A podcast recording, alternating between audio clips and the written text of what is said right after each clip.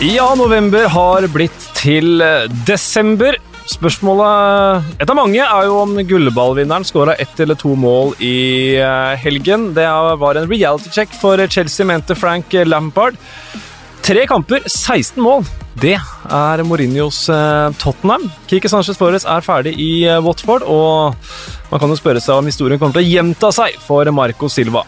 Og så uh, er det en du visste og ikke visste om, og en du antageligvis hadde glemt. Når det kommer til ukjente helterkandidater uh, denne runden, de er store. Men vi har også ett stort spørsmål. Hvem er Icenose 79? Det er et glimrende spørsmål. ja.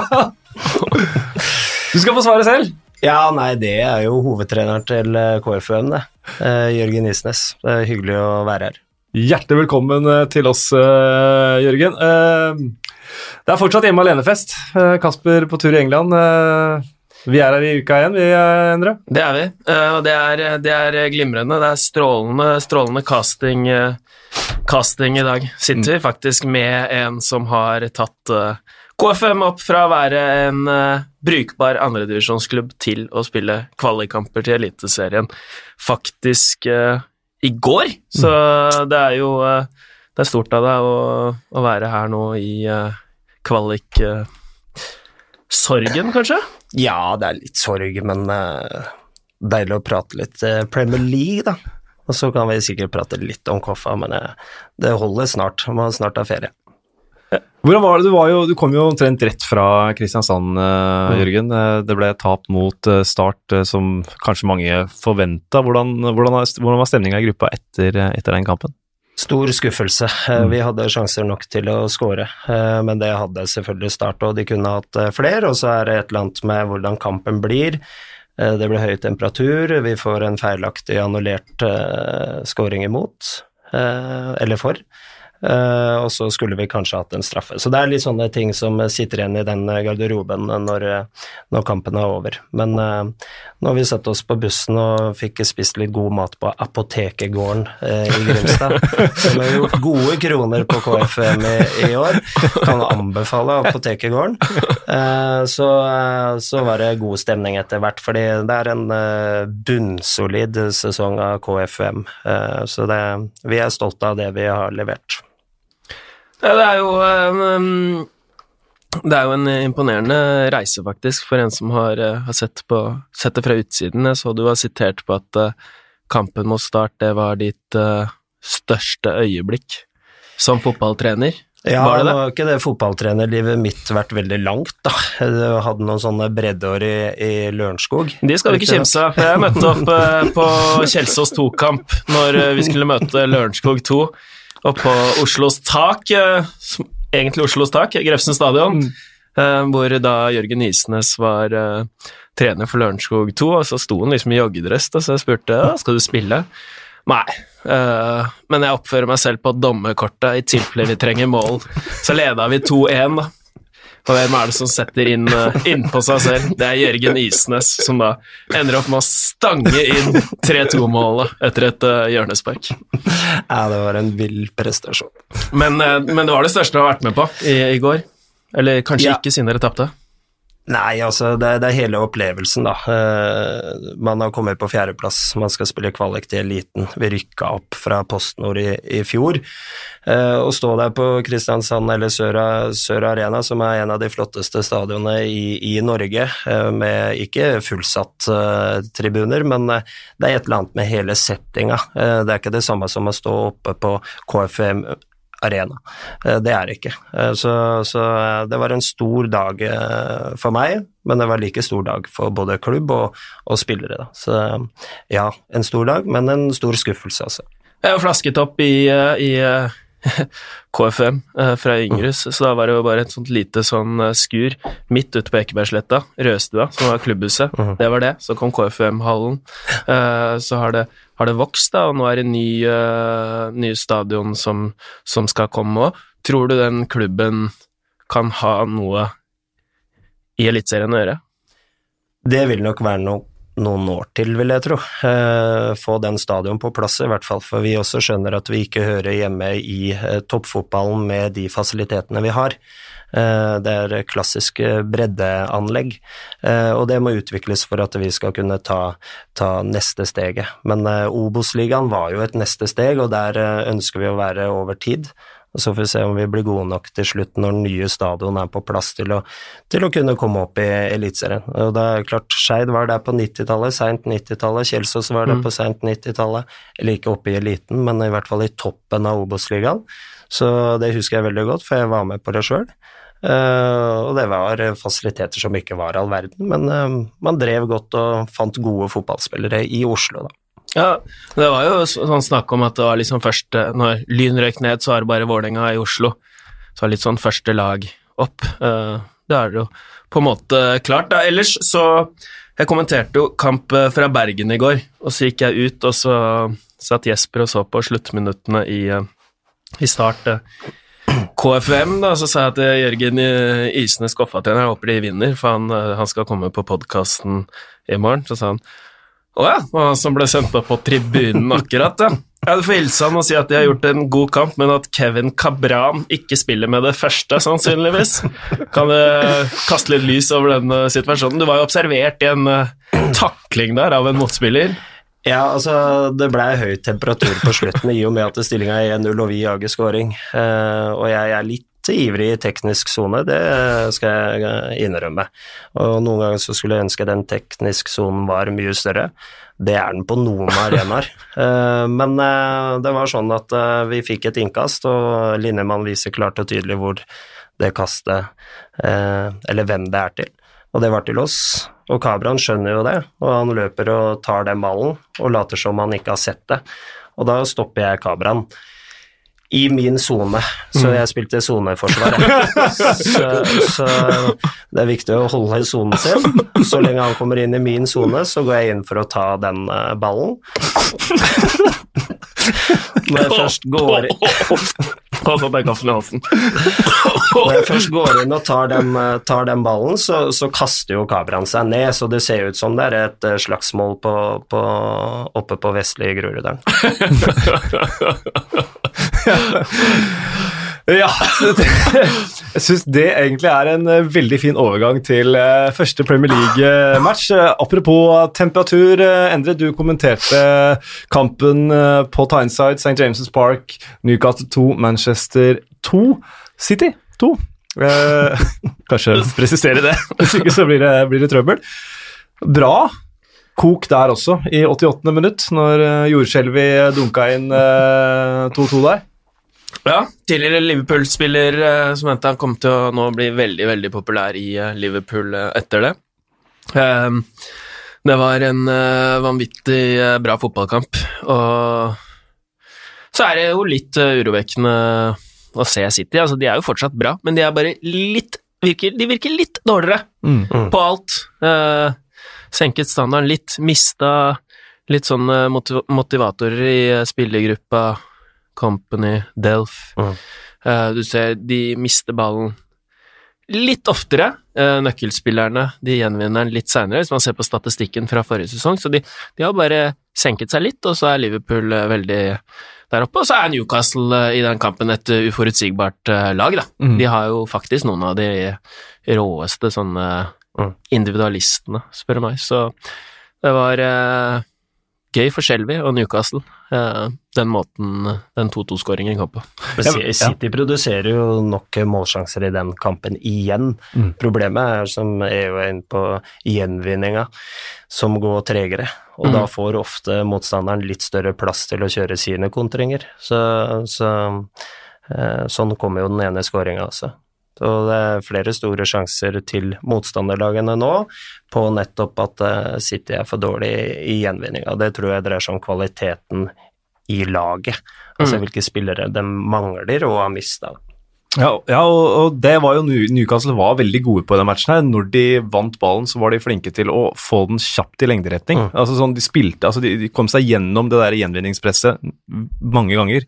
Som du sier, Jørgen, det er jo sånn 1-1-skåringa eh, kommer. og John Joe Shelby var jo kanskje fremste eksponenten for det i den kampen her. Hvordan han hele tiden spraya baller uh, off, lang, langt framover mm. og i lengderetninger hver gang, som gjorde at da, da, får du ikke det konstante presset på deg når du har uh, ballbehandlere som Shelby sentralt. da. Nei, og han er jo god på nettopp det. Mm. Uh, jeg husker han fra Liverpool-perioden også, men det er klart, når han begynner å få ordentlig trøkk rundt seg, så mister han mye baller også, og da mm. slår han mye feil.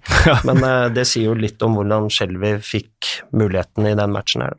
Ja, og Newcastle har et sånt perfekt lag da, mot City. De har Joe Linton som får tak i mye oppspill, og så har, har de faktisk han Sankt Maxima som han løp fra Kyle Walker med ballen i beina. Det sier litt om, uh, om farten hans, da, og Almiron Man kan si hva, hva, man vil om de, og sluttproduktet deres, men da fikk i hvert fall Almiron sin første målgivende pasning på 23 eller 24 Premier League-kamper, så det er jo Skulle nesten ikke tro det, men det å si at uh, et lag av Steve Bruce har litt X-faktor i laget, ja. men det er det faktisk.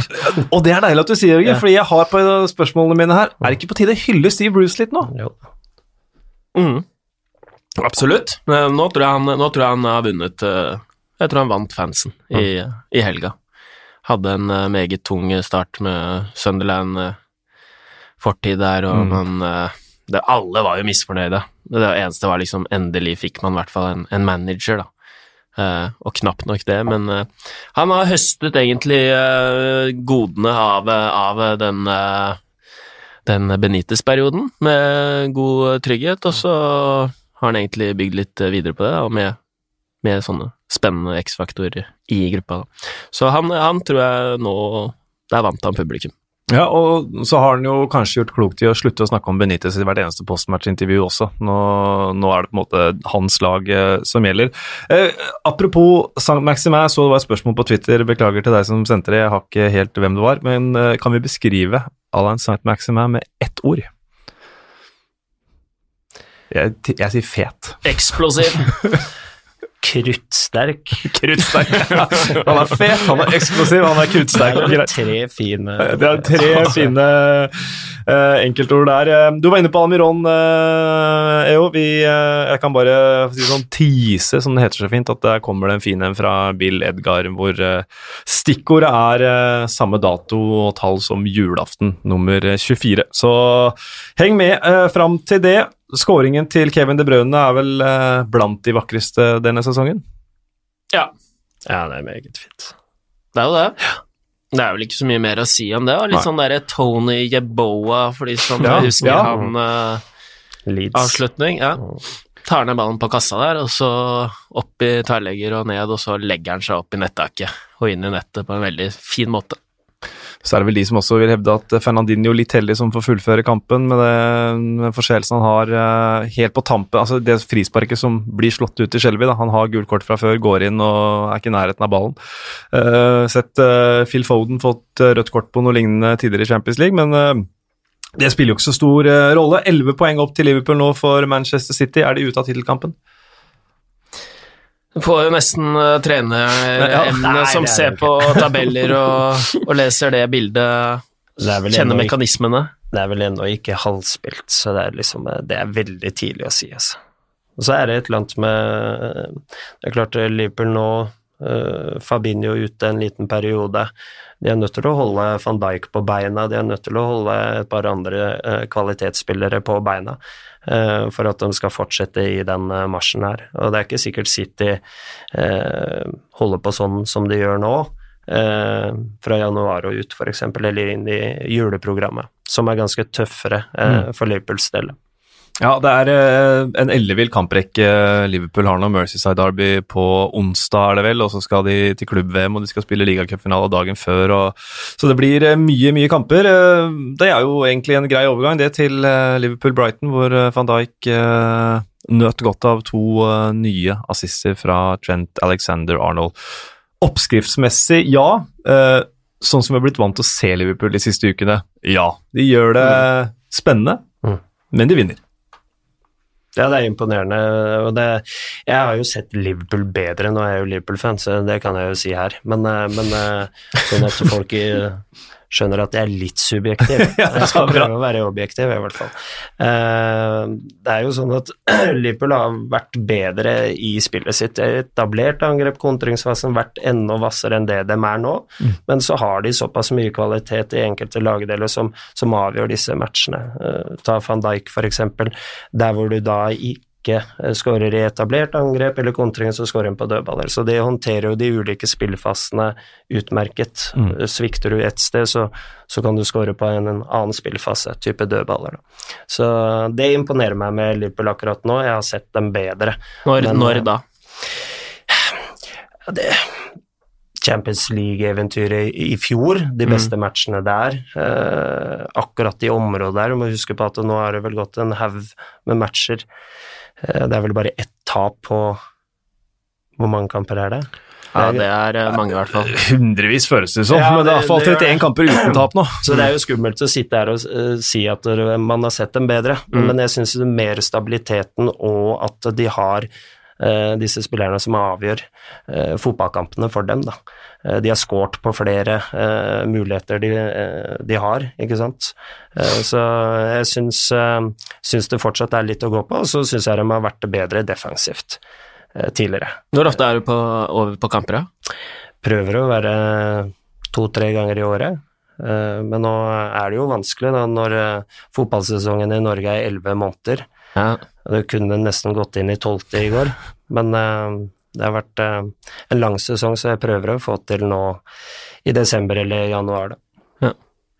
Legge inn, det er viktig å legge inn gutta trenger frihelger, de òg. Og det får de av meg, altså. Ja. Det, det, må du ikke tenke på.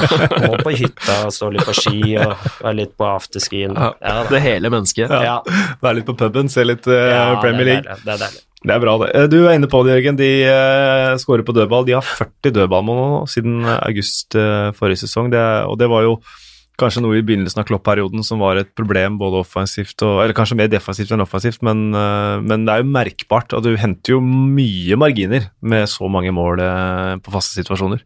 Helt klart. Og så ser Den runden her blei det ikke skåra en del mål i etterkant av dødball noen korte mm. varianter mm, av dødballer. og eh, jeg synes eh, Når jeg gikk gjennom høydepunktene i stad, så var det liksom wow. Eh, her var det mange faste situasjoner, mm. i hvert fall i etterkant av det.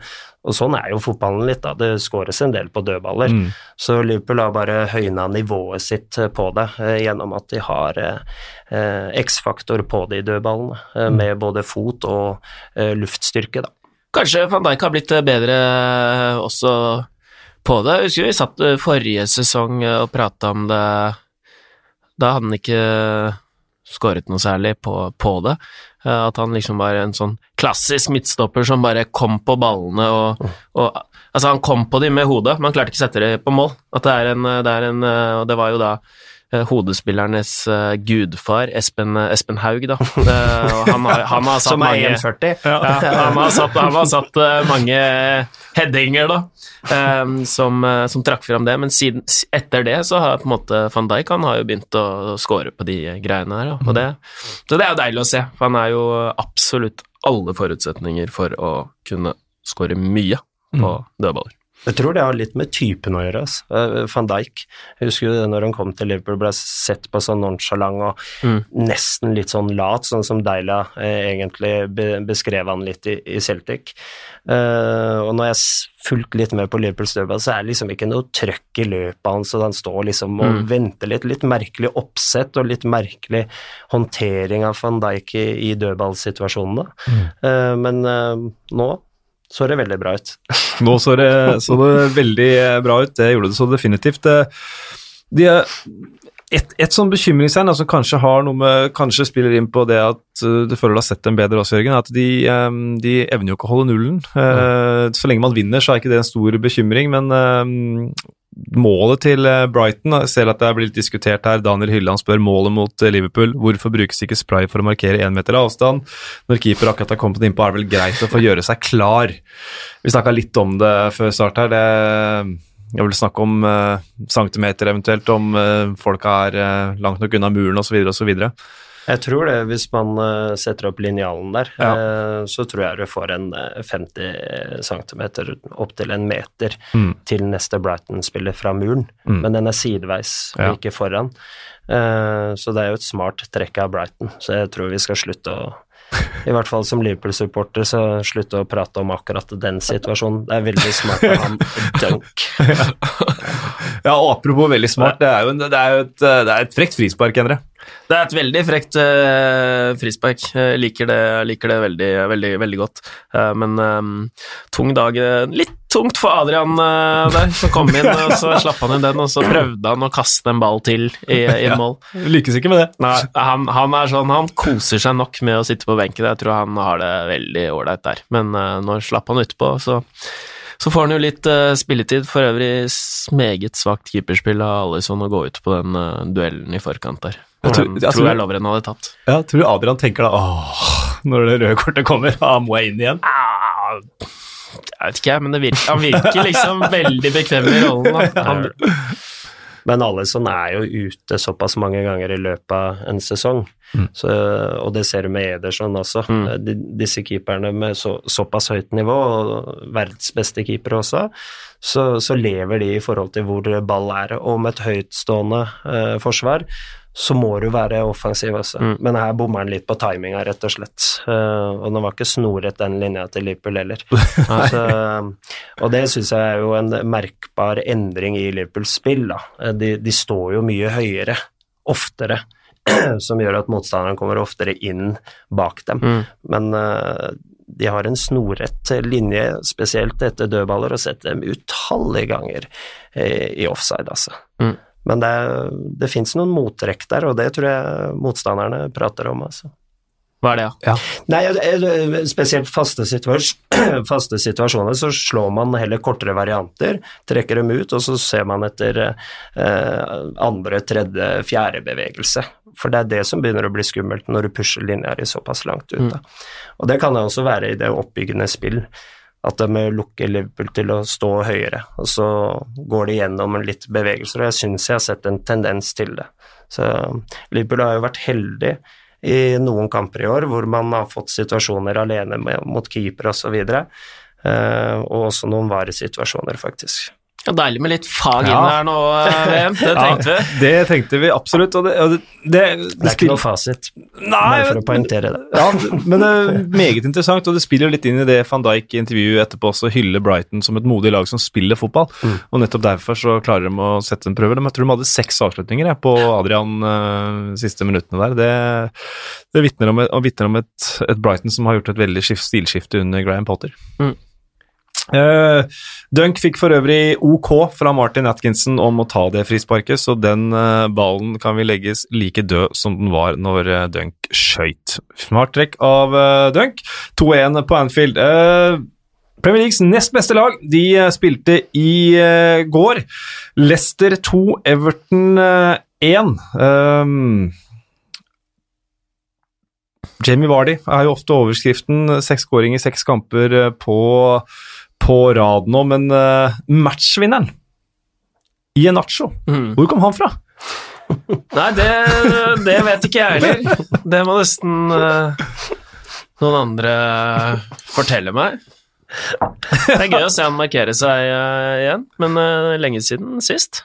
Veldig lenge siden sist, og han har ikke spilt Premier League, han. Siden han bomma på den noenlunde store sjansen borte mot Manchester City, klubben han kom fra i var vel nest siste serierunde. Uh, han fikk ballen på 16 meter og skyter ballen 10 meter utafor, og Guardiola bare 'Å, jeg er glad jeg kvitta meg med han'.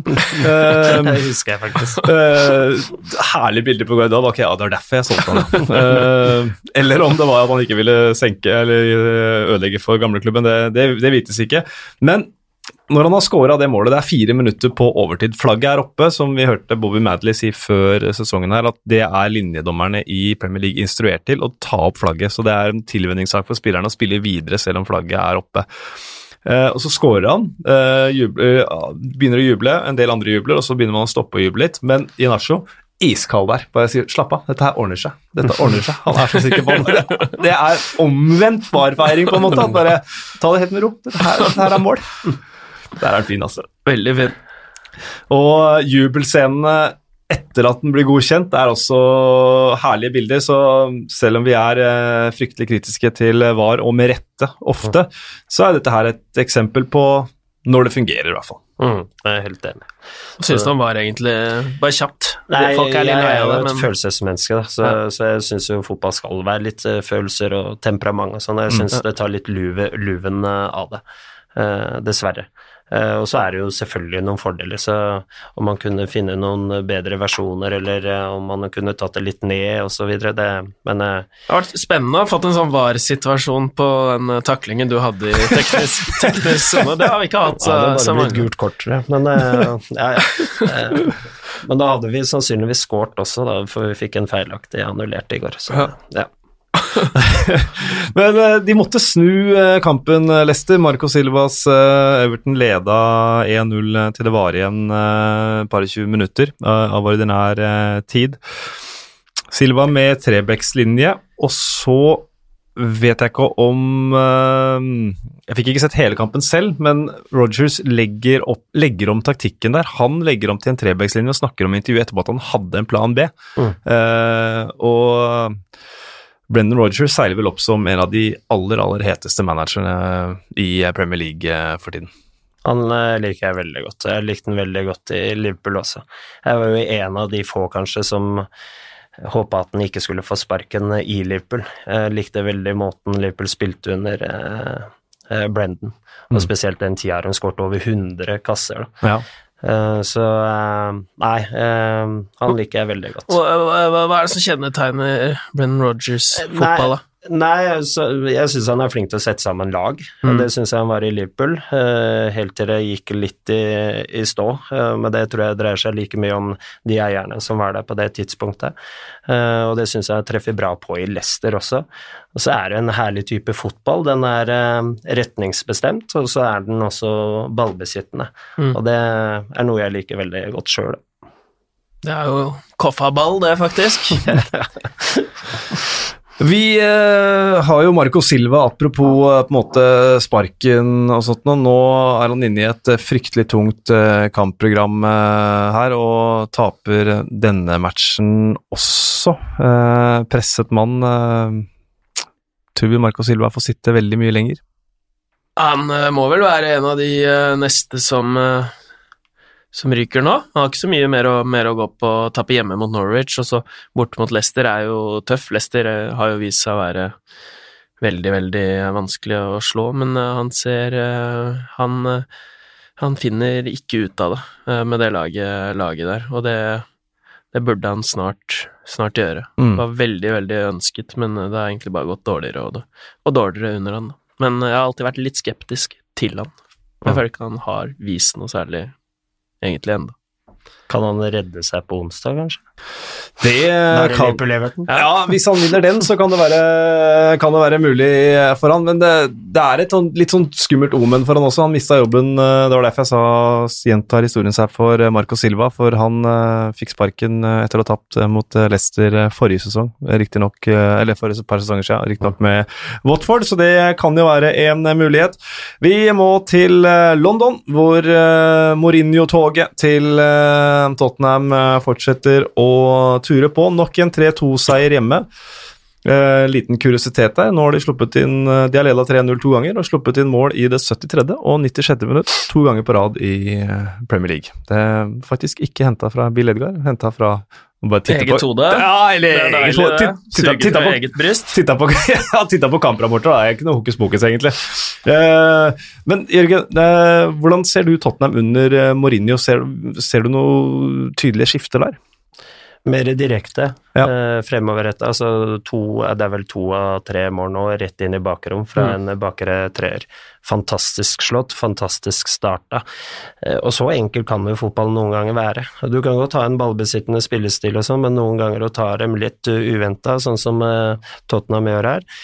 Det er det høy, høy klasse på. Så jeg, jeg syns de er mer retningsbestemt når de vinner ball, eh, både baknefra og også når de bygger seg oppover. da. Jeg tror han liker det veldig godt. Han har uttrykt sin store begeistring for Bonucci, blant annet, i Mm. Juventus, og han slår de pasningene Aldeverer slår der. Mm. Uh, Og så er det jo, det er jo stort, han, og han har jo faktisk gjort uh, foreløpig Delali til en helt ny gutt igjen, da. Mm. Uh, tilbake igjen til seg selv, og han starter jo på de, på de løpene der. Bare det er jo Så um, det er et, et godt, uh, godt uh, poeng, det, faktisk. Mm. jeg, jeg liker jo Mourinho veldig godt, da. Han er, er, go er godt å ha han tilbake i godt gammelt slag, da. Ja. Har du intervjua han?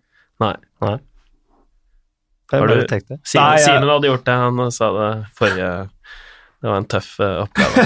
Det var den største frykten uh, når, jeg skulle, jeg når jeg skulle over eh, første gang og til, på en Premier League-arena, så var det den største frykten det var at United da skulle tape under Mourinho, og jeg måtte stå der og intervjue han som første reis og bli ydmyket av han. Ja, altså ydmyk og Mourinho, det er, vi snakka om det for en uke siden, Jobb, at uh, etter kampen mot um, Westham, så handla det om alle andre enn Mourinho. Det handler selvfølgelig om alle andre enn Mourinho nå også, men han ble spurt om eh, hva han har gjort med Dele Alli. Ja, putte han i den posisjonen han er best. Så, så selv om det handler om alle andre, så har Mourinho tatt et, eh, tatt et grep der som han er veldig klar over sjøl. Og Kala har sagt at han har hatt tre fenomenale kamper siden jeg kom. Men Dele Alli var jo på gang før Mourinho kom også. Jeg syns vi så skygger av gamle Dele Alli um, også i de siste ukene til Pochettino. Mm. Eh, eller mulig jeg så feil. Ja, det er sant, det. Eh, men de slipper altså inn eh, to mål, ett av dem en frisparkperle fra Harry Wilson. Og er han eh, kanskje sammen med Ward Prowse en av de beste frisparkskytterne i Premier League? Ja, det må han være. Han er imponerende im Veldig imponerende spiller. Jeg vet ikke hvor mye du har fulgt han med som Nei, jeg har Liverpool-mann, ikke fått, øh, Isnes. Fulgt han så mye i eh, Liverpool, det har jeg ikke. Men jeg har fulgt han etterpå. Eh, Jeg har sett skåringene hans fra Derby, blant annet, og litt for Wales også, vil jeg tro. Så, men jeg leverer nå også for Bournemouth, så har jo en vanvittig skuddfot. Mm. Jeg vet at det prates litt i Liverpool om ja, kanskje han skulle tilbake, kanskje vi skulle tatt han tilbake, men han får jo ikke spille der. Nei. Og det er hele poenget. Det gjelder å finne, finne stedet hvor du hører hjemme i en elver, da. Mm. Og det har nok eh, Harry Wilson, han får i hvert fall spille mer. Så det er jo positivt. Er han passer litt inn i, i Bournemouth, da, med måten de, de spiller på. Ja. Så nei, det er gøy å, gøy å følge, følge han, faktisk. Det ikke så gøy å følge Bournemouth om dagen. Én seier nå på åtte siste. Eh, alarmbjeller, eller, på sørkysten? De hadde en sånn periode forrige sesong òg, hvor man eh, Men det er litt sånn rykk og napp-lag, altså, som går litt i Det går litt i sykluser, det, det for, for dem. Så de har vært i denne situasjonen mange ganger før under uh, Diao og, Mm. og, og, og snudd, da. Det er litt, eh, det er litt eh, sånn fotballag, så jeg vil ikke si at det er noen varsellamper ennå. Eh, kanskje ikke varsellamper, men utropstegn når uh, målskårer nummer tre stiger fram eh, fra, alt jeg si, fra målskårerasken for eh, Tottenham. Moussa Sissoko har blitt uh, latterliggjort eh, som avslutter mang en gang, og ofte med rette, men avslutningen hans til 3-0, den er høy klasse over. Det er, det er jo Det er deilig òg, for han ble jo satt ut i den første kamptroppen til Han var den mest brukte spilleren under Pochettino, så ble han satt ut eh, under Tilfeldig? Under Mourinho, og så kommer han inn igjen og bruker Mourinho han veldig, veldig riktig, ikke sant. Så er jo ikke Åpenbart. Uh, Jeg liker, likte feiringen med han og Re og hvor Mourinho spenner, spenner tungen og feirer. Og var veldig mye som stemte med, Ja. med det. Men feirer Mourinho nå med den samme ballgutten? Ja. Ja. Han gjorde det? Ja. Det var liksom uh, nok en der. Det er klasse. Han er fet. Det, Og det er så deilig å ha Mourinho tilbake, det er det ingen som helst tvil om. Litt usikker på om eh, Serge Aurier eh, gir uh, Sissoko beskjed om han er aleine, eller om han ber om å slippe ballen, for han skriker noe infernalsk bak uh, Sissoko før avslutningen der. Jeg tror Aurier også jakta skåring i to kamper på rad men eh, resultatet det ble det samme. 3-0 var stillingen på det tidspunktet, og så fikk Bournemouth to skåringer, men Tottenham nå under Mourinho starta ti poeng bak Champions League. Nå har de seks poeng bak Champions League. Det er en uke, det. Ja, Det mm, lønner, lønner seg alltid å vinne fotballkamper. Ja, jeg eh, trodde du skulle det lønner seg å bytte trenere. Men Av og til lønner det seg men eh, på kort sikt. Men eh, man ser jo det. Det er jo, det er jo bare å det, er, det viser seg å være vanskelig å vinne fotballkamper, da. Men Mm. vinner man to-tre kamper på rad, så er, så er eh, ting snudd. Vi eh, tar et Det var eh, klisjé, men det ja. er fordi det er fakta. Ja, men klisjeer er jo det er en grunn til at ting er klisjeer. Det er Det er fordi det ofte går igjen. og Vis meg en uh, film eller TV-serie som ikke bruker klisjé som virkemiddel, så skal jeg vise deg en løgner. Uh, så vi går, eh, tar et kvantesprang ned i bunnen av tabellen, og så kommer vi tilbake til et par av de andre tidligere topp seks-lagene etterpå. Uh, Southampton, Watford 2-1.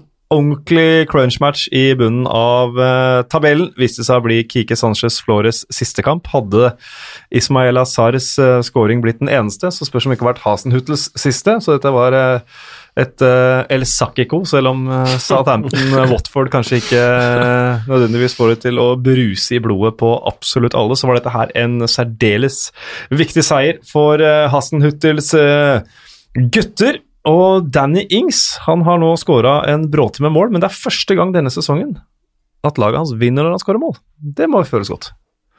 Jeg likte scoringen da. Det er sånn fighter-scoring. Han skårer jo bare sånne, sånne mål, han. Um, han eh, Det fortjente han. Han uh, står på. Det er en uh, stor uh, spiller, mener jeg, Isnes. jeg, jeg liker han veldig godt. Han er rett på kassa når han har mulighet og kaster seg inn. Og han var ganske godt likt i Liverpool òg, Mm. Dan Ings, blant supporterne. Likte han veldig godt. Så selv om han spilte lite og var mye skada, så var han respektert spiller. Ha- Hardt arbeidende fyr, og så den målgivende pasningen eh, i forkant der er vel kanskje et av rundens enkeltmannsprestasjoner, er det vel ikke? Jo, de driblingene til eh, Moussa Genepo der, de eh, Så får dere som eh, tenkte nå at eh, ja, bruser ikke blodet av Southampton Watford. Jo da, de gjør det også, bare så det er eh, klart. Men da kanskje El Sakiko var litt i overkant. Men eh, eh, ja, driblingene hans. Ballen limt til foten mm. på Genepo er jo en, eh, en spiller eh, som utgjør en forskjell for dette laget. her. Han har vært skada en periode, og det har gått hardt utover dem. og så har jo Southampton reist seg veldig etter det 0-9-tapet mot Leicester også. To jevne matcher mot City. Eh, vinner denne viktige bunnkampen eh, her nå. Når det kommer til den eh, driblinga til Genepo, da, så er det én ting som man ikke ser i oppbyggingen på første og andre reprise, men det er at idet han snubler seg forbi første gangen, så bruker han armen. Dog ubevisst, men som vi vet hvordan reglene er nå, hvis du drar fordel, hvis du har ballen innom armen og angripende lag, så er det har ingenting å si om intensjon, det skal være hens. Problemet her, da, er jo at uh, VAR-folka ser det for seint. Vi har liksom snakka om at uh, de sitter på VAR-rom og leter etter feil. At, eh, og at det er en av de tinga som vi kanskje misliker mest med det, at eh, nå skal det letes etter feil med, med lupe. Men så tar det ti minutter før de finner den feilen, eh, og dermed så blir målet stående. Og det er jo brutalt for eh, Watford. For hvis vi spoler tiden litt tilbake, så var det samme lignende situasjon. De leda 1-0 borte mot Newcastle. Det var en hens i oppbyggingen til Fabian Skjærs utligning. De leda 1-0 på Tottenham Hotspur, Hotspur Stadium når Gerard Delefeu skulle hatt ett av sesongens klareste straffespark. Seks poeng eh, i de kampene istedenfor uh, ett, så er det ikke sikkert Kike Sanchez Flores hadde fått sparken nå. Nei, jeg tror hvis du begynner å telle opp antall VAR-situasjoner og sånn, så tror jeg du finner eh, like mange hos litt andre klubber òg, da. Mm. Nå vet jeg ikke om du har gjort det, men, eh, eller om andre har gjort det. Mm. Eh, Men eh, jeg har en følelse av at det, det er ikke bare de som eh, kjenner på det. Nei. Jeg tror det faktisk er flere lag også uh, som kunne hatt eh, flere, flere poeng og flere, flere skåringer. Til, til og med. Liverpool-supportere kjenner jo på det her. Ja, Som den muren. ja, med muren, ja. Ja. Den berømte muren. det er godt, godt poeng. Det der var eh, Alle kjenner på det. Ja.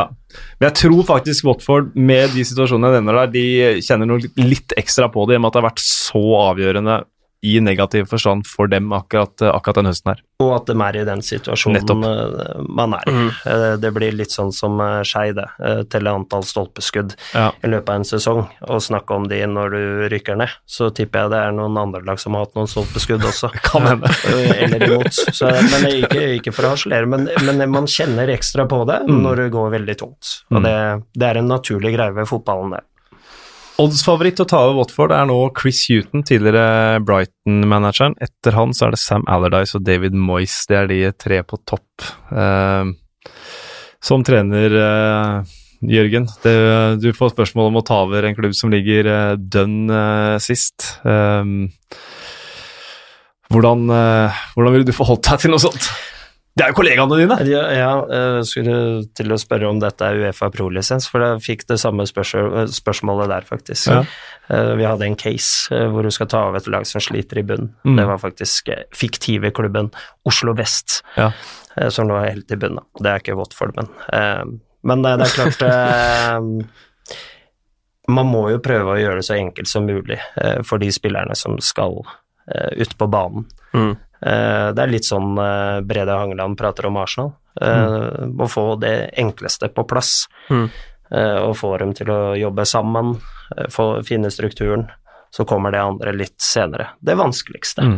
Så gjør ting så enkelt som mulig, og jeg har vært igjennom noen sånne perioder sjøl med, med, Koffa, og det er heller ikke Watford, bare for å, bare, bare for å si det. Men uh, jeg gikk litt tilbake, jeg også, med å samle laget, gjøre ting enkelt. Falt ned i 4-5-1, og det var etter perioder periode med seks-sju kamper uten, uten seier. Så mm. det funka.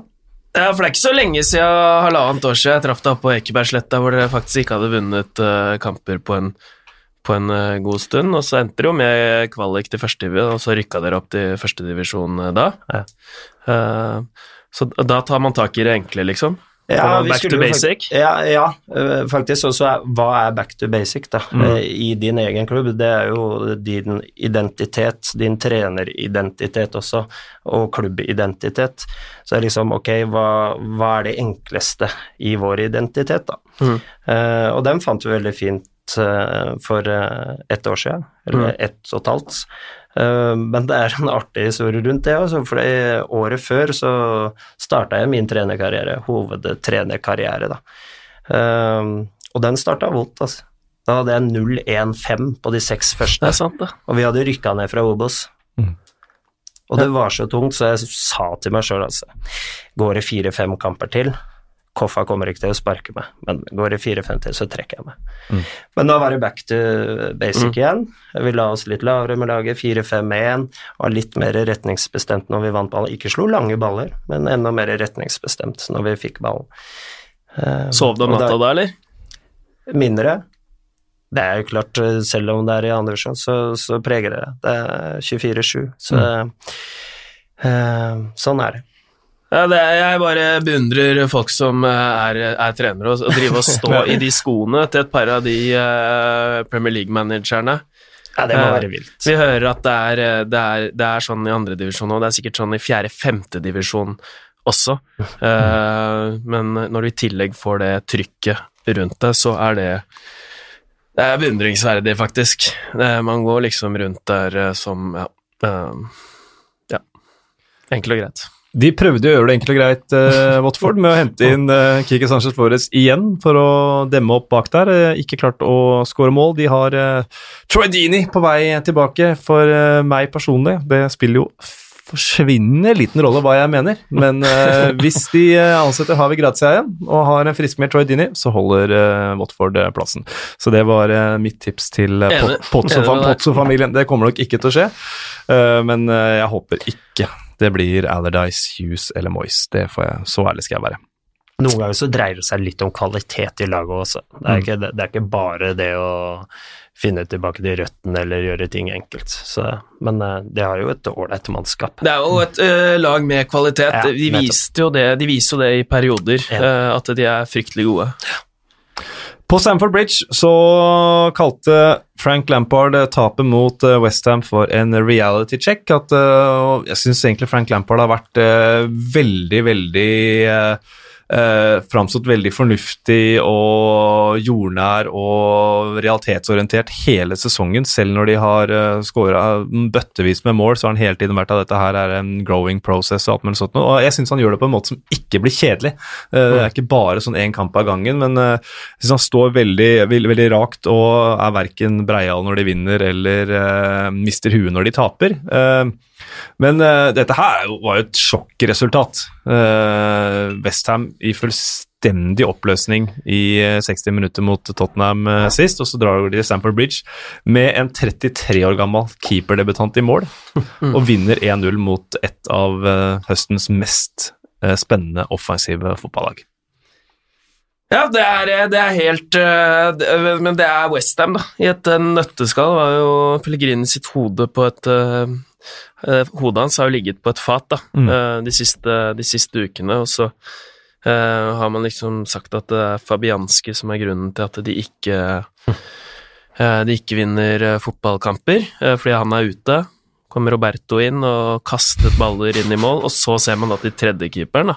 Eh, Det var jo en ganske vakker eh, historie rundt òg, men, men der, der er det kvalitet i det, det laget der. Og av en eller annen grunn så har det ikke stemt den siste tiden, men hvis man ser spiller for spiller, så er det jo et uh, meget bra fotballag, spør du meg.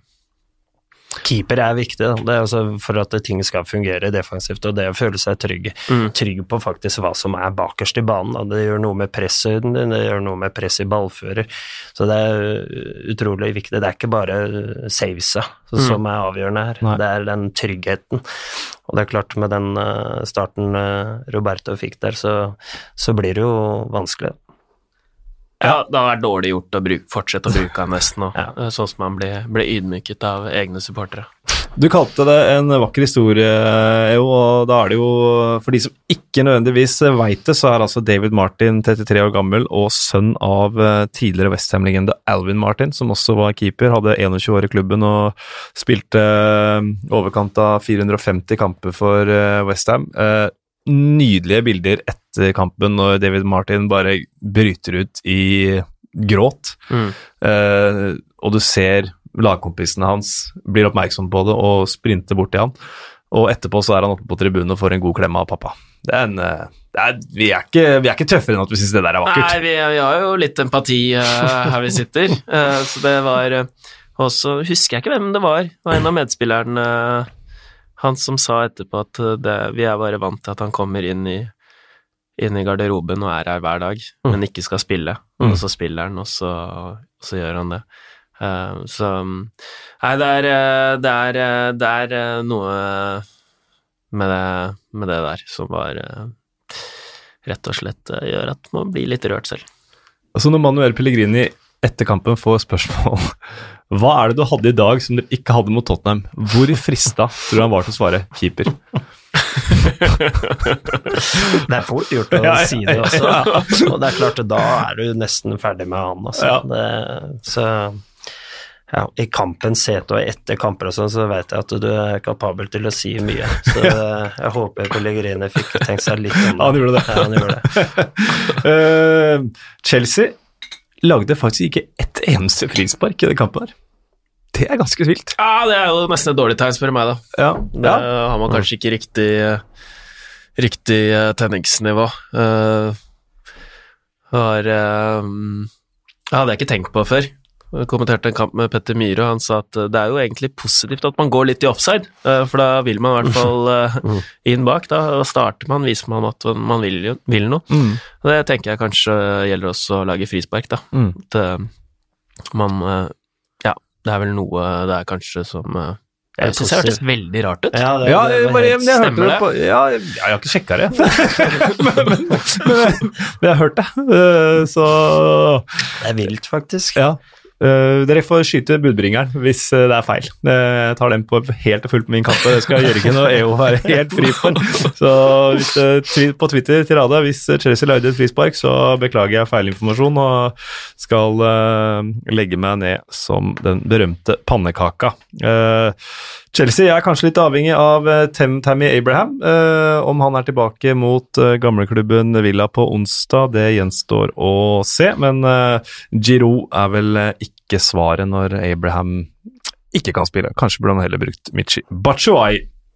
Eh, til Norwich. Endre. Norwich, ja. Freddy Jungberg. Freddy Jungberg. Freddy at the wheel. Ja, undertøysmodellen, da, som ble Premier League-manager. Det er en fin setning. Ja, det, det er jo noe vakkert, eh, vakkert ved det. Leste en artikkel om han hvor en lagkamerat i MLS uh, som sa at ja, hvis du hadde spurt meg i 2010 om at uh, om han skulle bli manager, så hadde jeg ikke, ikke trodd det. Da hadde jeg heller trodd at han kom til å eh, være modell eller åpne en eh, restaurant eller utested, da. Um, men han veldig Han var veldig seriøs som, som spiller. Hadde rykte på seg veldig rutiner, var ikke noe sånn Fløy ikke på byen, han. Uh, han var eh, Selv om han har det derre imaget eh, For han ser, jo, han ser jo kanonbra ut, ikke sant? Om han gjør, ja. Eh, Han er, ja, Unnskyld at jeg avbryter, han er en fyr sånn som skalla folk som meg. Jeg er glad for at det eksisterer. Ja, ja, ja. Det er Helt uh, Han er jo uh, Han er viktig, viktig for dere, Ja, veldig enormt, enormt viktig. så han er jo litt flaggbærer der, da. Ehm, men øh, man har jo liksom tenkt at han er litt sånn playboy og sånt, men han er, han er ikke det. Han er ryddig, og han, han, han er veldig, øh, veldig seriøs, veldig flink med enkeltmennesker, Jeg er veldig godt likt. Mange av de unggutta i Arsenal som har kommet opp, øh, Saka, Willoch, Nelson, har han jobba tett med, eh, godt med. Han har gått gjennom masse med, med Saka og egentlig fått eh, mye æren da, for at han er den han er i, er i dag. Så at han eh, har fått eh, lov å vikariere, det er, eh, det er jo det er bra. Og så er det en gyllen mulighet for han. Men eh, det var jo akkurat det samme. Mm. Defensivt, i hvert fall, i forsvar. Det er vanskelig å få gjort noe på tre dager, altså fra, fra den torsdagen eh, hvor de ser eh, ufattelig dårlig ut, eh, Arsenal mot eh, Frankfurt. Den så jeg faktisk, Mm. Eh, og jeg skjønte jo med en gang at Emery er ferdig. Eh, men eh, fra torsdag til søndag så er det begrensa hva du eh, får gjort.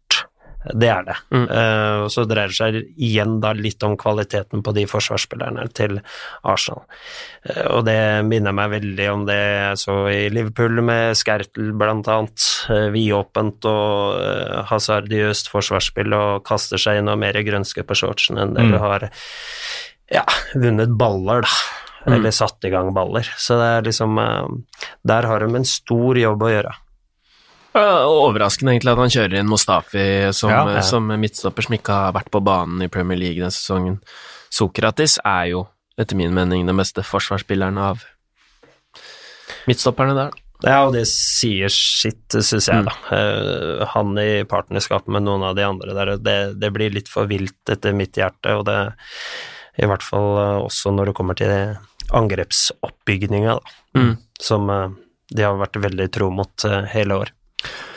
Vi skal uh, Altså, du var inne på det, jo, og Fredrik, Freddy Jungberg var inne på det selv også. Det er den overgangen fra angrep til forsvar var han veldig opptatt av at det, der har vi masse jobb med. Det er sikkert mye annet å jobbe med også. Og, og hvis du er eh, glad i Arsenal og har lyst til å høre mer om uh, nettopp det, så skal ikke vi snakke så mye mer om det nå, fordi i morgen så er Kasper tilbake fra England, og da skal han ha en spesialpodkast som han har døpt The Arsenal Debate.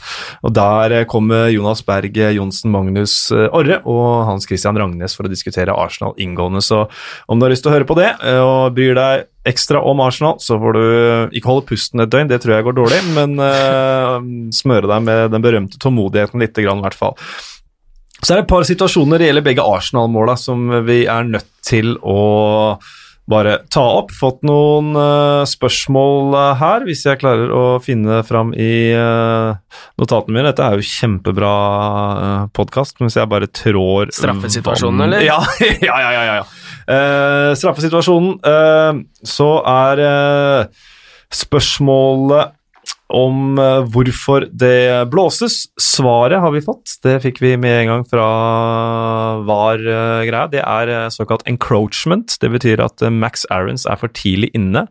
eh, Og i og med at det er han som klarerer, så ser VAR på det.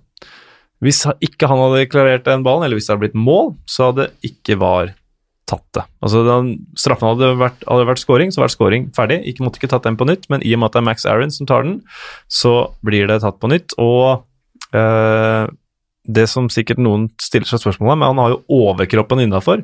Mm. Uh, venstre bein i lufta, høyre beina er bak streken osv. Så sånn har det jo blitt. Altså, at vi sitter og diskuterer der, er jo eh, Det kan vi, eh, det kan vi bli blå i trynet av. Men eh, Poenget er at han kan eh, score med hodet og brystet og sånt, og da er det spillbare deler av kroppen. Og derfor kunne han jo i hypotetisk sett ha nikka den ballen ut også, derfor så blir straffesparket tatt på nytt. Og Tim Krohl blir stående igjen som en nisse. Han blir det. Det er eh, lenge siden jeg har sett eh, den gode gamle utsykningen på den måten der. Jeg tok han alle midler i bruk, fyrte opp publikum bak seg, pekte til alle hjørnene, tok seg god tid borte og sparket litt i stolpen og um, Det hadde vært eh, enormt hvis han hadde tatt eh, den eh, straffe nummer to der òg. Helt riktig Aubameyang og Hische der. Ja, det støtter jeg. Det var helt ok. Det, det gjør det. Ja, det skal være litt sånn. Ja. Det er deilig. Og Tim Krohl gir seg jo ikke heller. Han er, han er etterpå, så er han jo oppi Arsenal-spillerne der. Og jeg tenker, Gi deg mens leken er sånn noenlunde god. Han har jo eh, blitt en litt favoritt i det programmet her, eh, Tim Krohl, vet du. For forrige gang så, så sa han jo at eh, I never get tired of winning football games. ja, ja, ja, ja. Det var litt feil person som sa det, men ja. det er deilig å ha en litt favoritt der òg, da. Det er det. Uh, situasjon nummer to på Aubameyangs andre utligning i matchen, uh, så er det jo eh, Daniel Hylland som spør litt spesielt at det er to baller på banen når Arsenal utligner til 2-2. Er det noen regel på akkurat det? Ja, det er det. Og her har jeg gjort hjemmeleksa mi. Eh, fordi det står i lov nummer fem i IFAB-reglene, og jeg skal ta den korte versjonen, men hvis du er interessert i den lange, så kan du google eh, football rules, og så gå til regel nummer fem under referee, så vil du finne det der. Men regelen er sånn at, eh, ball, at skal la spillet få fortsette dersom den andre ballen ikke har noen betydning for spillet. Og det har den jo ikke. Nei. Den kastes inn der. Så Det gjelder ikke badeballer, da. Nei. Ja, det husker jeg. Det var Liverpool òg. Ja, når var det? Det var en badeball i veien. Det var i hvert fall mot uh, Sunderland. Det var det. Der er den Bent. Ja, det er riktig. Treffer badeballen, og så Mm. Forandrer den retning i mål. Ja. Da eh, var jeg ordentlig supporter, husker jeg. Den tror jeg eh, Du kan eh, se reglene selv hvis du vil, men nå tror jeg i hvert fall det har gjort sånn at den eh, ville kanskje ikke stått nå. Eh, at det er eh, jo, For den, den badeballen, den hadde blitt Det er mye, mye rart man skal se. Det er mye rart som skjer i Sogndal. Eh, ok, uh, så det var uh, oppklaring av det. Så det var uh, greie avgjørelser, både straffesituasjonen og at spillet fikk gå videre, selv om noen Norwich-supportere tenkte de var dritsmarte og tenkte nå skal vi ødelegge og pælme den ballen inn. Det gikk ikke. På Old Trafford Jeg så tidligere gjest opptil flere ganger i podkasten, og og journalist i United.no, Eivind Holt, skrev eh, ett skritt fram, to tilbake for Manchester United. Eh, sukk. Det var vel omtrent det han eh, skrev, og jeg syns egentlig det er en ganske opps god oppsummering av denne matchen her, sett med Manchester United-øyne. Ja, jeg har ikke fått sett matchen, men jeg har sett høydepunktene. Mm. Og sånn jeg skjønte det, så, så var det ikke ufortjent at det ble eh, uavgjort. Så det er jo noen varsellamper som burde blinke der med de prestasjonene United har hatt i, i det siste. Det, for det første så er det fryktelig varierende, og så eh, det er tross alt United som Solskjær prater veldig, Mm, mm. veldig ofte om. Mm. Eh, og da holder det ikke å spille eh, 20 gode minutter mot Sheffield United, eh, f.eks. Så eh, han sitter nok trygt, men eh, det er nok et ønske om eh, eh, noe annet fra en del supportere, tror jeg. Ja, etter de 22 kampene han har eh, hatt nå, så har han jo tatt færre poeng da, enn Emry hadde på sine 22 siste. Så eh, eh, poengfangsten er jo ikke bra. Han har ikke vunnet så mange Premier League-kamper heller. Um, men eh, man må jo se på den stallen han har nå, så så er jo ikke det noe Det er jo ikke noe topplagstall, spør du meg. Midtbanen. Nei, den er sørgelig, altså. Mm. Rett og slett. Eh, jeg vet at Fred og Pereira innimellom har eh, gode kamper, enkeltkamper, men eh, sånn som jeg ser det, de er ikke sentrale midtbanespillere til å ta United tilbake til eh, den eh, tiden de er, og det er jo De må i hvert fall ha folk rundt seg, da. Og det er, Ja. som jeg sier alltid, det er noe De må ligge tettere fordi det blir litt for mye rom for de to å dekke. De blir litt for alene. Mm. Og uh, tipp én av de på banen eh, av gangen hadde, hadde holdt i massevis. Men er de for svake for topp fire? de to. Nei, jeg bare tenker Ja. United, ja. troppen til United, sånn det ser ut. Sånn det ser ut nå, syns jeg det. Eh, og Scott McTominay han, uh, han har jo klart det mesterstykket å bare få sin egen stjerne til å bare heve og heve og heve seg uten å ha spilt et sekund de siste ukene. Mm. Altså, alle United-fans snakker nå om nå må vi få Scott McTominay Mm. tilbake, uh, og han har vært god. Nei, det er jeg enig i, han har vært ordentlig. Han har vært bra, han, men det er ikke noe sånn liksom sånn, Hvis man ser til Newcastle, så tenker jeg sånn Isaac Hayden Bra, da. Han Ja. gått inn og gjort det samme. Men det McTominay har gjort, da, har vært inne og vært en leder. Og han har tatt litt ansvar Ja. og har vist at det her Fram med kassa. eh, Enig i at det, han har absolutt levert, men det har på en måte Isaac Hayden òg, da. Mm.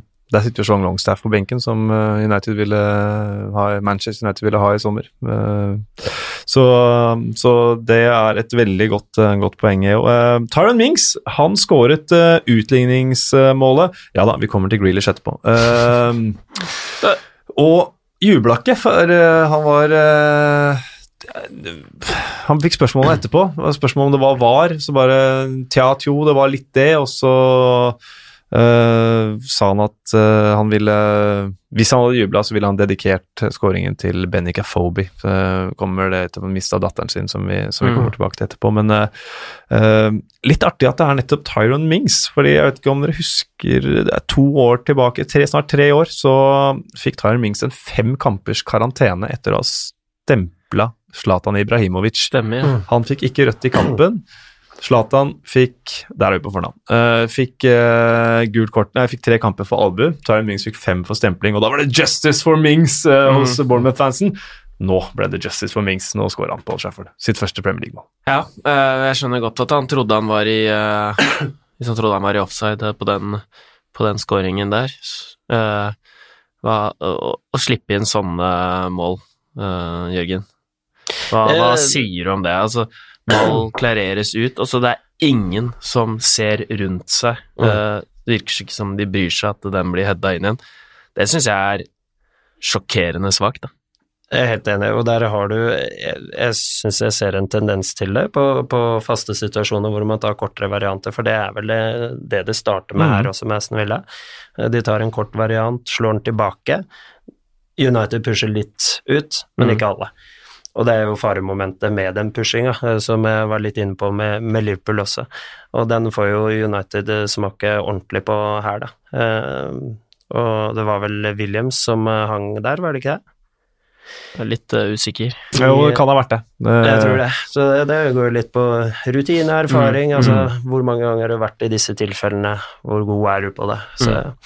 Man blir jo straffa litt for å, for å bruke disse ungguttene også. Mm. Eh, Du vinner over tid, men eh, på, på kort sikt så, så kan du risikere å tape en del poeng på det. Og så er det Chris Berba eh, som, på Twitter som skriver Han er veldig glad i deg, jo, det veit jeg. Chris Berba, men Ja. det er jeg glad i han òg. Ja. Fin fyr, faktisk. Ja. Stryk, faktisk. Fin fyr. ja, det er faktisk litt sånn ufint. Han er faktisk en fin fyr. Eh, Chris Berba, vi hyller deg. Eh, og spesielt ettersom at du eh, skrev før kampen, og han skrev det før kampen, sier det før United hviler kampdag. Hvor enorm var ikke Jack Reelish på Old Trafford? Hadde passet veldig godt inn i Solskjær sitt lag, og ikke minst hevet det betraktelig. Det er god, god spådom, den Nostradamus uh, takter over det der. Ja, han ser jo så stilig ut òg. han er jo den eh, litt den typen um, Den eh, litt nye generasjon, altså det man så litt Beckham innførte. Kommer det nå noen nye uh, og tar uh, gjør, gjør litt greia si? Cantwell, Grealish, da Madison, de gutta der. Eh, så han gjør, gjør sin egen, eh, egen greie. Han var ekstremt bra, og han blir jo felt hele tida. Mm. Skaffer masse frispark eh, for laget sitt og, og spiller med en eh, selvtillit. Han er Madison-god, nesten. Mm. Um, og så skjønner jeg faktisk ikke Det er jo selvfølgelig Det er jo så lett å sitte her og si det, uh, men han har et bra høyrebein, og at uh, han får lov å gå inn i banen på den måten der og, og skyte, syns jeg Jeg synes det er rart på det nivået her. Mm. Ikke gjort hjemmeleksa si, rett og slett. Nei. Så, men eh, det er jo selvfølgelig Fotball eh, handler jo om å gjøre feil. Det er jo, det, det er jo derfor det er gøy å se på. på måte. Husker jeg irriterte meg, irriterte meg over Bale der, altså Bale når han var i Tottenham. Mm. Hadde, alle visste jo at han skulle dra inn og skyte med venstre, og det gjorde han jo. Utallige skåringer. Uh, men uh, man var like frustrert. Hvorfor, hvorfor får han lov til å gå inn, da? Så er det noe med ferdighetsregister òg, da, uh, på disse spillere. Ja. Jack Grealish, god fotballspiller, hvor, hvor lett han får andre spillere i ubalanse. Da. Uh, ikke bare spillere, men faktisk lagdeler også, gjennom måten han er som spiller. Ja, Jeg ville jo tenkt som deg, da, at da, altså steng innsida når han kommer i de posisjonene mye, mye lettere, og får det så klart som mulig at du vil ha han ut. Men det er vel noe annet. Det er jo det er noe annet når man, når man er i situasjonen. Og det er klart, alle vet jo også at Messi stort sett vil inn, inn i banen. Man ser litt med Martin Ødegaard, og han liker å gå mot venstre, han òg. Men er man god nok, så Og de kan jo gå til andre sida òg, det er jo ikke det. Eh, Men eh, det har vært mindre farlig, da. Det hadde ikke blitt scoring, i hvert fall, på det skuddet der. Han er kul spiller å se på. Grealish. Ja, veldig. Nydelig. Nydelig, eh, nydelig spiller, og eh, veldig enig i den Beckham-parallellen der. Dandy fyr. Nydelig dandy fyr. Um, Det skal han få lov til. Det må han aldri slutte med. Hadde han eh, kledd taket på Oslo?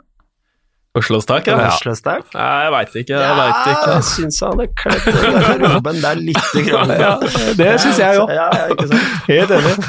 Eh, for fem år siden så var det match mellom Wolverhampton og Sheffield United på, eller, i League One. Nå møttes de i Premier League.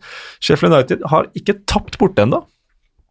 De har riktignok seks uavgjorte, men eh, de fortsetter å imponere. Eh, Wolverhampton eh, fortsetter egentlig også å imponere. De spilte sin 27. kamp denne sesongen i går.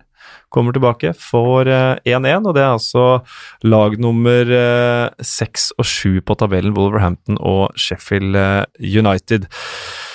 Eh, noen av dere som har noe på hjertet om den matchen, annet enn at Sheffield United fortsetter å, å ture på? To, to gode fotballag. Sheffield Mm. United er jo um, De eh, hører hjemme på øvre halvdel, sånn som de har, eh, de har eh, spilt. Og Wolves sleit litt i starten av sesongen med å venne seg til å spille ut i Europa og, og Premier League, men de har brukbar bredde i, i troppen og leverer egentlig på, på alle fronter. 3-3 borte mot Braga torsdag, da er det sterkt. Og Mm. Får poeng egentlig mot et lag av Sheffield United. I hvert fall stabilt, da. Det er klart, med, med uavgjort borte, eh, og at de leverer som de gjør hjemme, Sheffield United, så, så havner du på øvre halvdel, og kanskje enda høyere også. Eh, vanvittig trøkk i dem, altså. Da har jeg sett dem eh, spesielt på hjemmebane. Eh, det er morsomt å se på. Mm. Man kan si at det høres kjedelig ut og sånn, men det er en, en offensivitet der, det er en aggressivitet, og så har du kanskje sett noen matcher hvor, hvor de mister litt av den aggressiviteten de siste 20, eh, spesielt i de hjemmematchene hvor Ja. de har trykka god, god motstand tilbake. Lenge. Mm.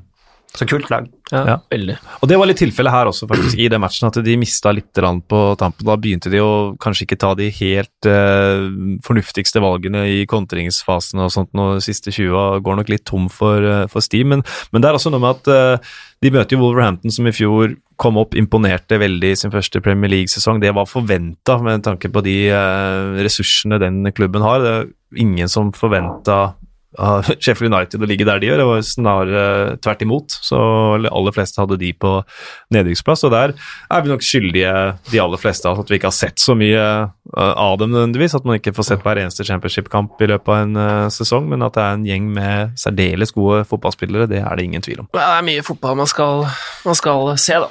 Ja, det er begrensa hva jeg har sett av championship-matcher, så Det må jeg innrømme. Så ja. Den siste Premier League-kampen denne runden, det var eh, Burnley mot eh, Crystal Palace. Og Roy Hodgsons gutter har vært gjennom et eh, vansinnig kampprogram, hvor det har uh, blitt uh, en rekke tap mot uh, Leicester, Liverpool, Manchester City og så videre. Det tror jeg enhver klubb med Crystal Palace ressurser eh, skal tilgis og tåler godt.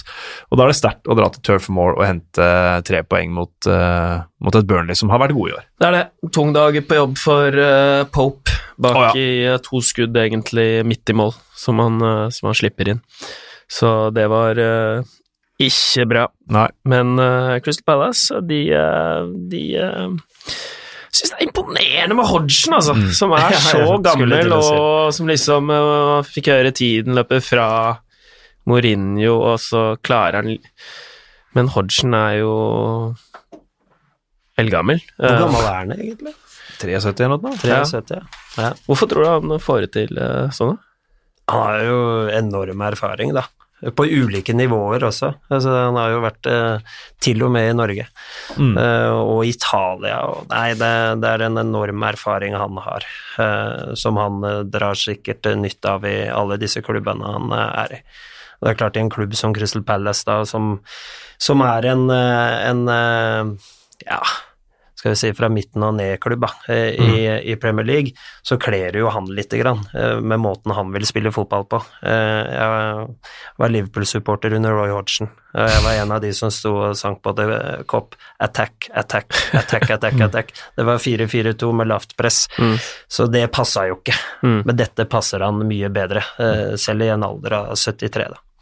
Jeg sy- jeg syns det er liksom imponerende at liksom den Instagram-generasjonen, de gutta der, Saha, at de bare ja, leverer under han, da.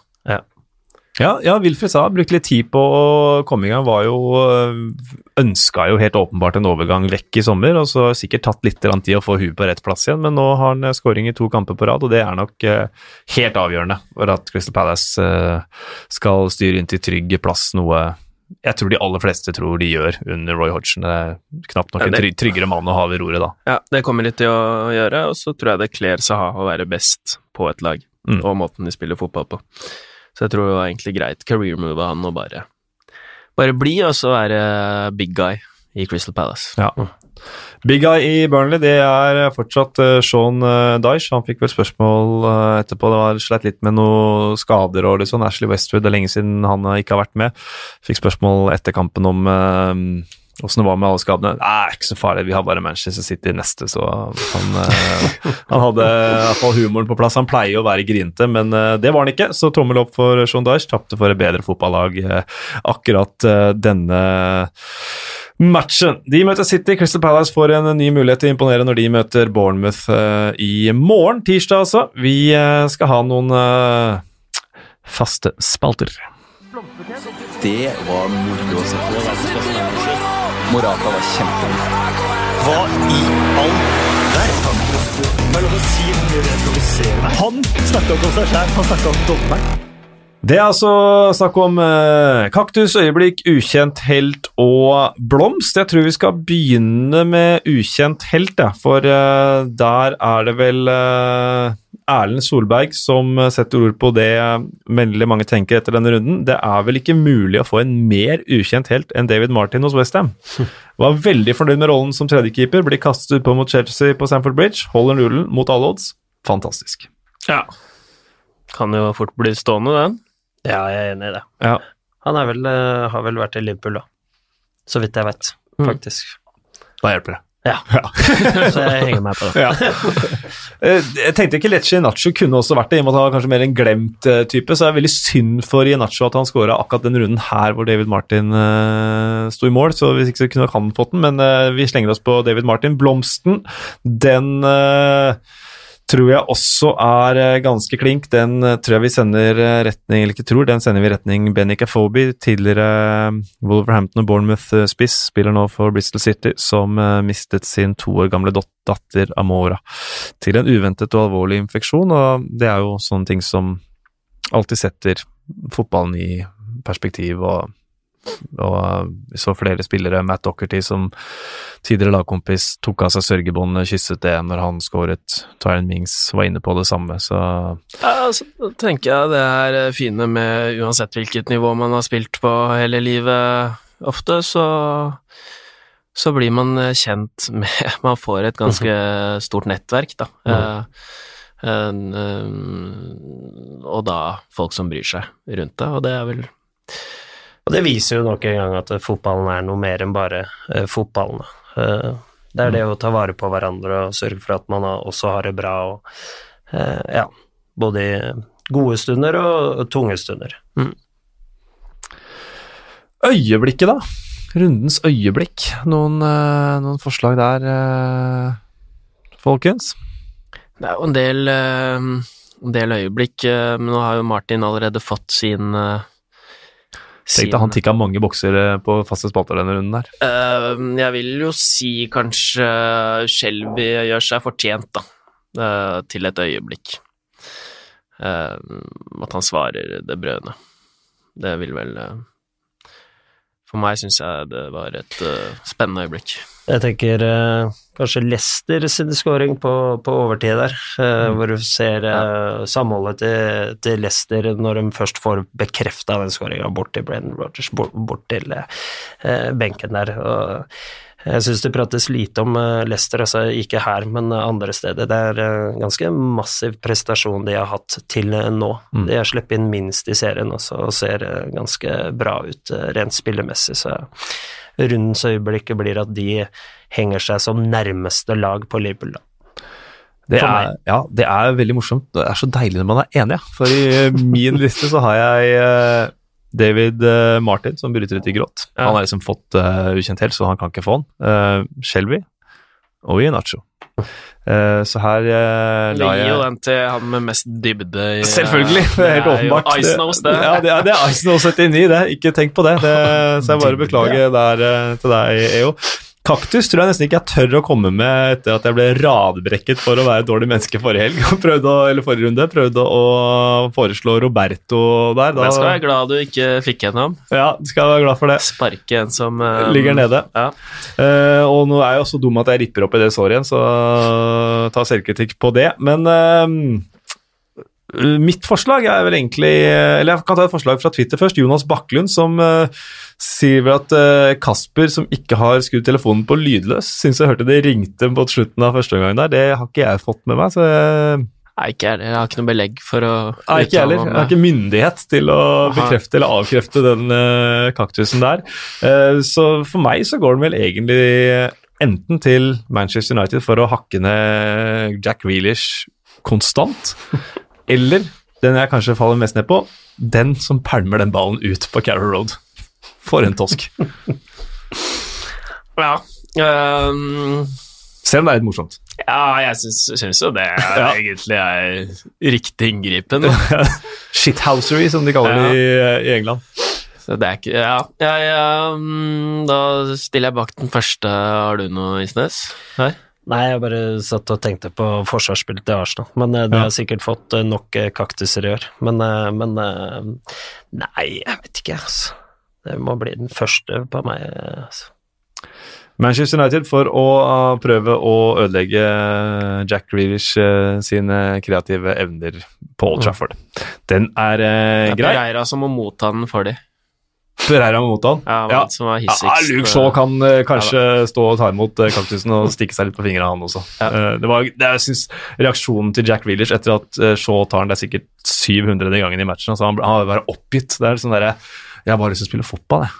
Eh, kutt ut. Det er den greia der. Jeg har jo hatt én personlig eh, opplevelse av å drible, av drible noen av i mitt liv. Eh, det var på Allboys-nivå. eh, på stillingen 1-1 mot Korsvoll, hvor vi jakter en seierskåring. Og jeg for en gangs skyld får til en dribling, og så blir jeg dratt i trøya, og så bare så, nei, Kutt ut!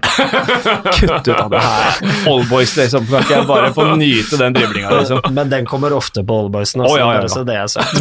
Både den holdninga og den kommentaren. Ja, ja.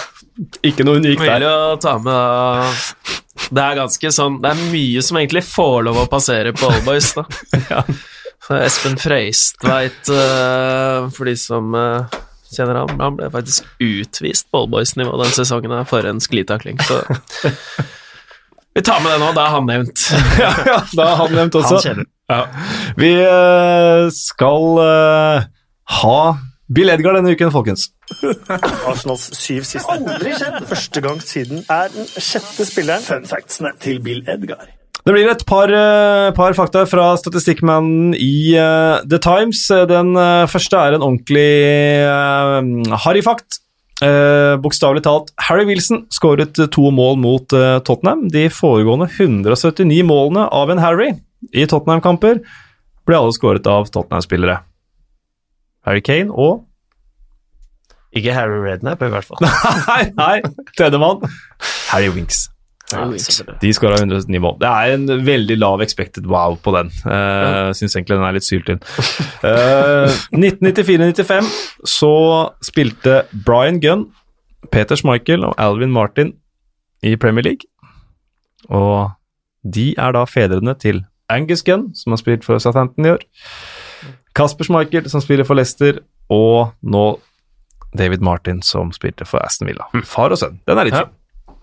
Og så til det som egentlig, egentlig er den store overskriften denne, denne runden her.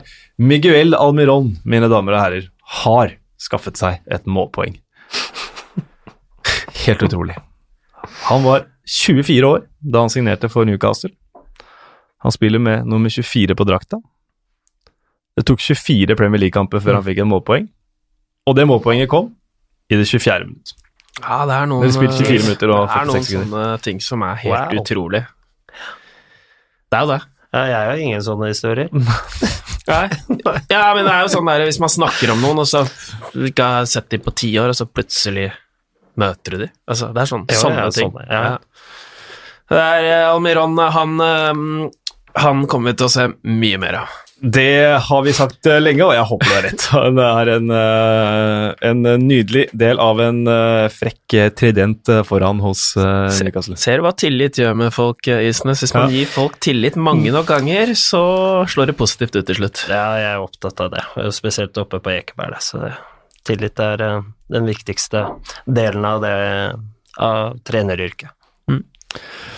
Og du og jeg jo, vi blir jo holdt jeg på si, nødt til å bli vist tillit når eh, Kasper ikke er uh, her. og Derfor har jeg et uh, generelt Twitter-spørsmål. Albert Vekseth skriver TV 2 Vikestad, hvor blir det av deg, ja?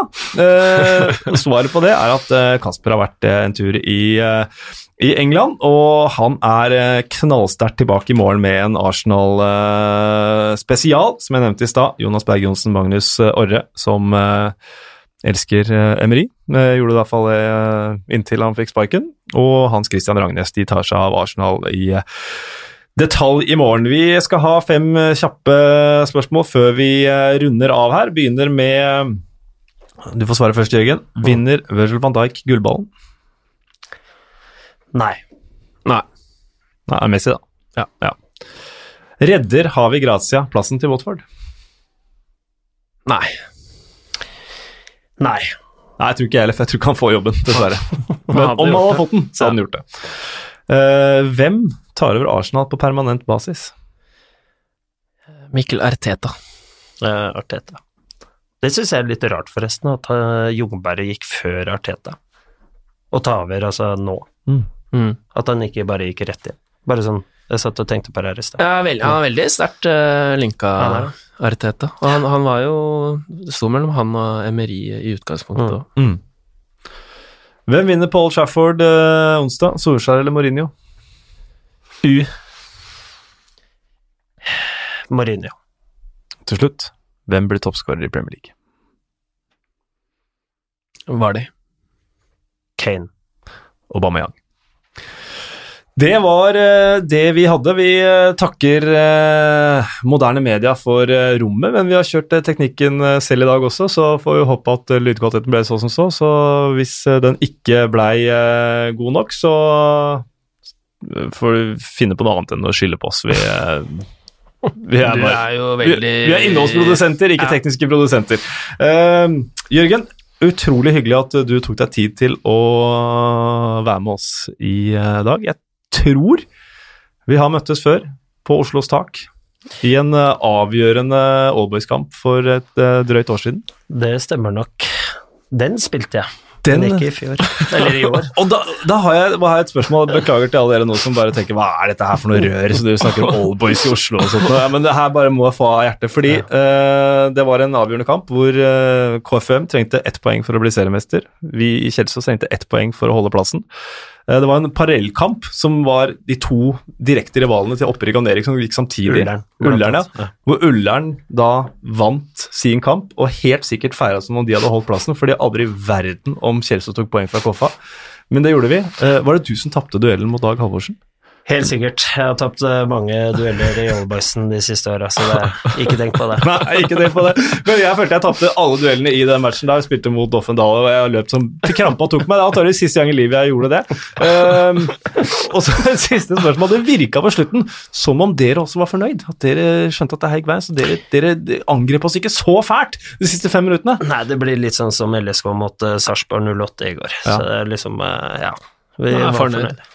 Da vil jeg rette stor takk til at dere ikke angrep da, for da hadde dere vunnet. Uh, og takk for at du kom, Jørgen. Det er jo alltid en glede å dele eh, studio med deg.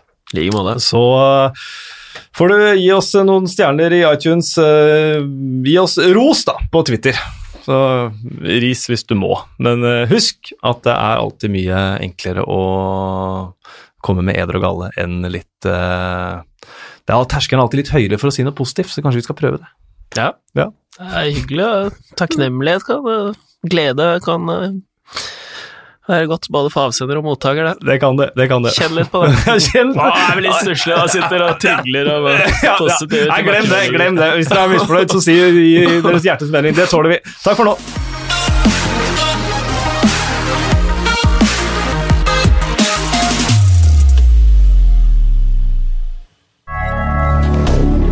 Moderne media.